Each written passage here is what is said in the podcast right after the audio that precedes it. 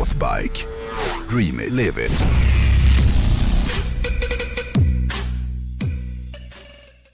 Förra veckan så ägnade jag dealen med hojen åt att konstatera att Harley Davidson tycks ha en väldigt tydlig plan för vilken typ av varumärke eh, som de kommer vilja vara i framtiden.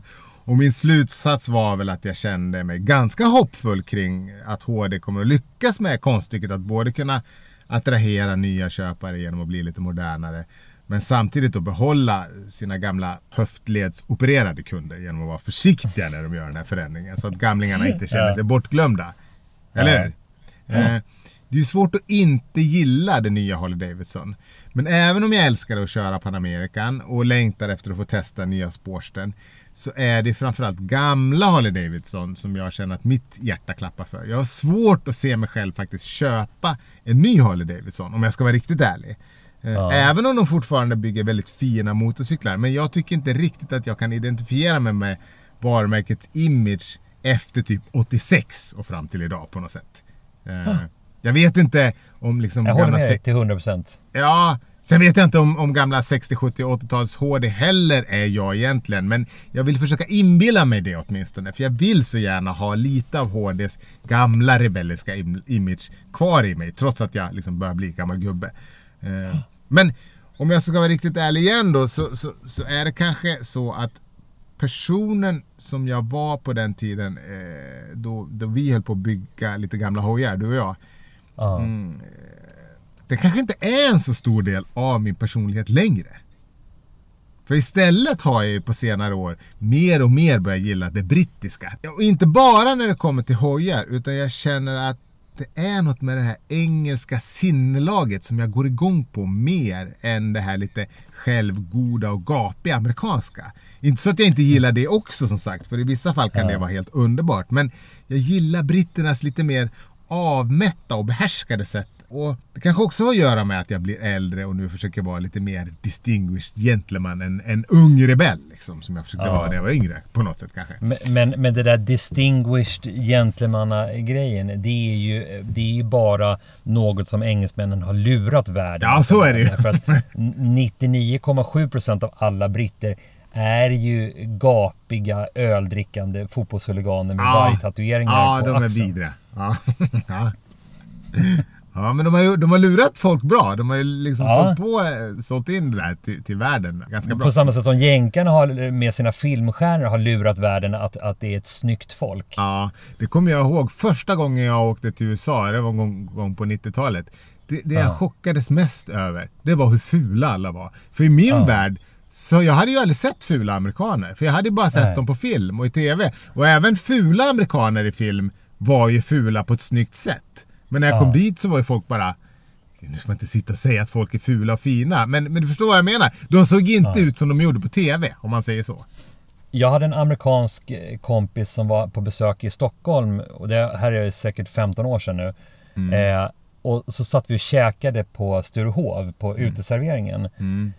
Men, men han, han blev... Jag förstår, det blev error i hans huvud. Han hade aldrig sett så mycket snygga, och det var inte bara att det var snygga tjejer, utan han hade aldrig sett så mycket snygga människor i hela sitt liv. Stureplan blev liksom som att han var... Han satt och liksom... Maten ramlade ur munnen på honom. Han kunde inte behärska sig. Det var som att han blev 11 år och, och liksom...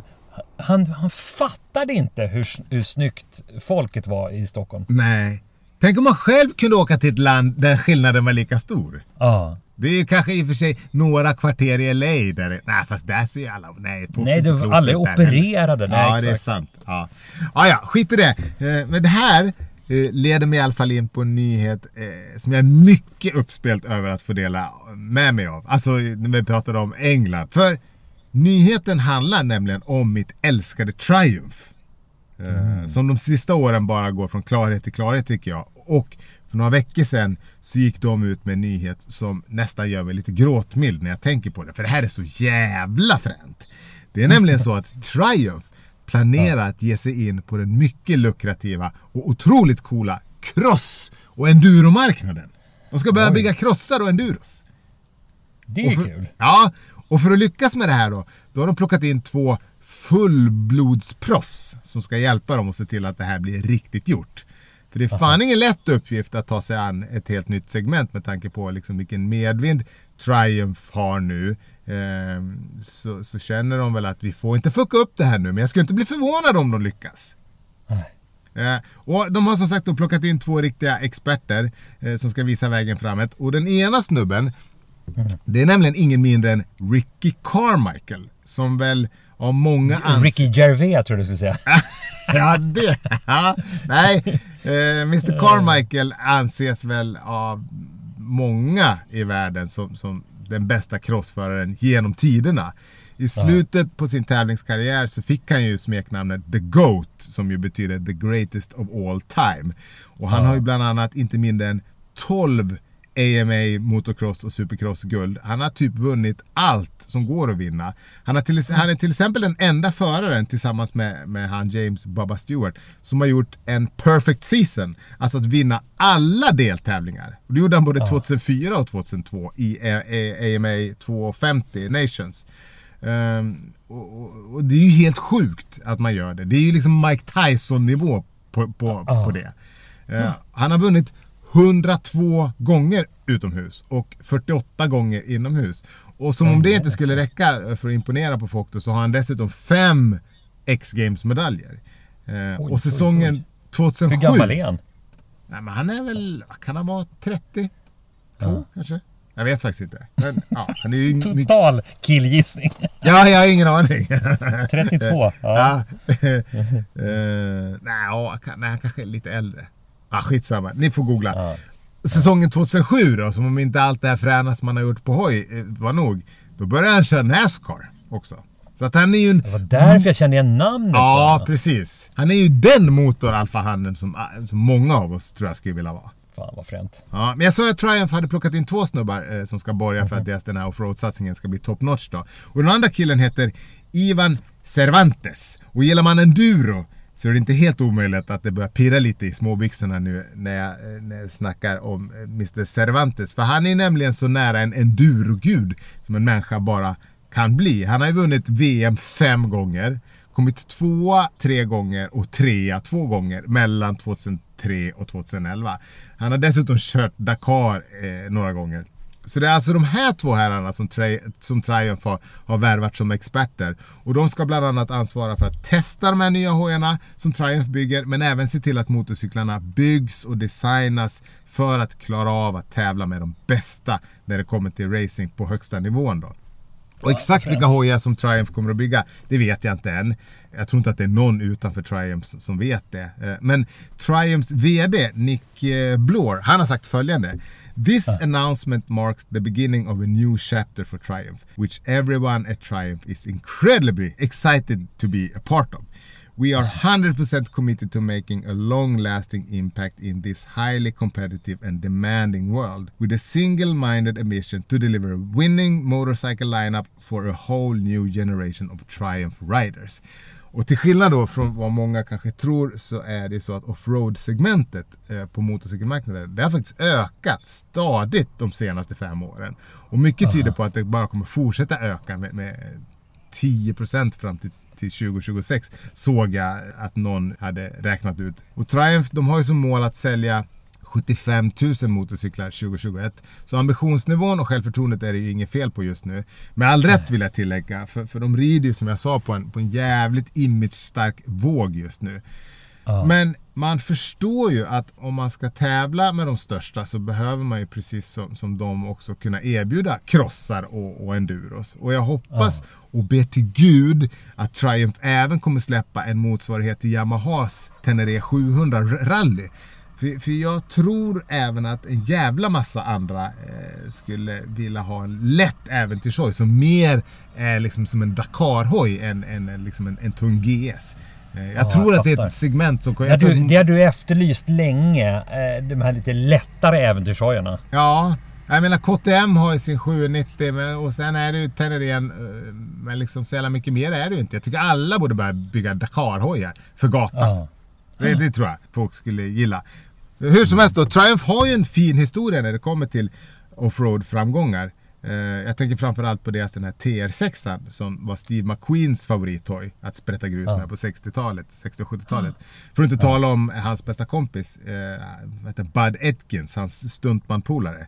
Eh, han vann ju internationella sexdagars med en TR6 1962.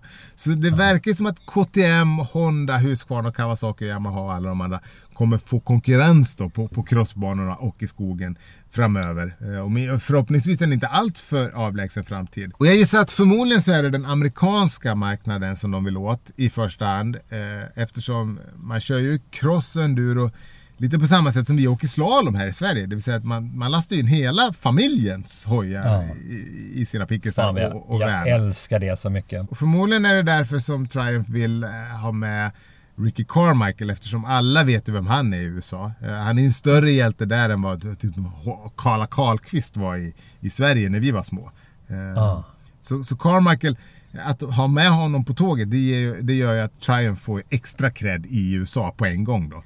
Och Ja, jag läste någonstans att Carmichael var jävligt glad över att få vara med och skapa det här nya eh, segmentet. Det är klart att han säger det. Men det lät, jag läste någon intervju och det, och det, det lät väldigt uppriktigt när han, när han, när han liksom pratade om äh, den här liksom, Triumph-familjen. Eh, och det som gjorde att han tyckte att det här var så spännande det var ju, och ett ärofullt uppdrag, det var ju att han fick vara med och bygga upp något från grunden. Och, och så tyckte han att det var liksom ett helt perfekt sätt för honom att liksom ta sin karriär vidare nu när han har slutat tävla. Då. Eh, tydligen så är alla på Triumph också jävligt uppspelta över det här projektet. Allt ifrån ingenjörsteamen till formgivarna till R&D, alltså Research and Development. Då. Eh, de har gått in i det här med otrolig passion, enligt Carmichael. Då. Eh, och han avslutade den här intervjun med att säga att han tror att folk kommer bli blown away eh, när de här nya modellerna landar i, i showrooms hos försäljarna. Och, och när tror man att det här är då? Är det typ om ett år eller? Nej men Triumph de har sagt att, att de, de kommer komma med mer information och någon sorts officiell announcement gällande de här hojarna om, om några månader. Så det är väl inte omöjligt att det kommer att ske på EICMA i november, alltså den här stora motorcykelmässan nere i Milano. Apropå det så slår det mig att du och jag måste ju åka ner och, till EICMA i år och fota och filma lite för Northbike. Det får vi snacka med Jessica Ja. och Tom om. Det måste vi göra. Ja, Den har vi aldrig varit på ju. Nej, Nej. ser jag fram emot. Hur som helst. Det här var i alla fall eh, jävligt spännande nyhet tycker jag. Och jag tycker att det passade bra att jag rev av den i veckans avsnitt av Dealen med hojen.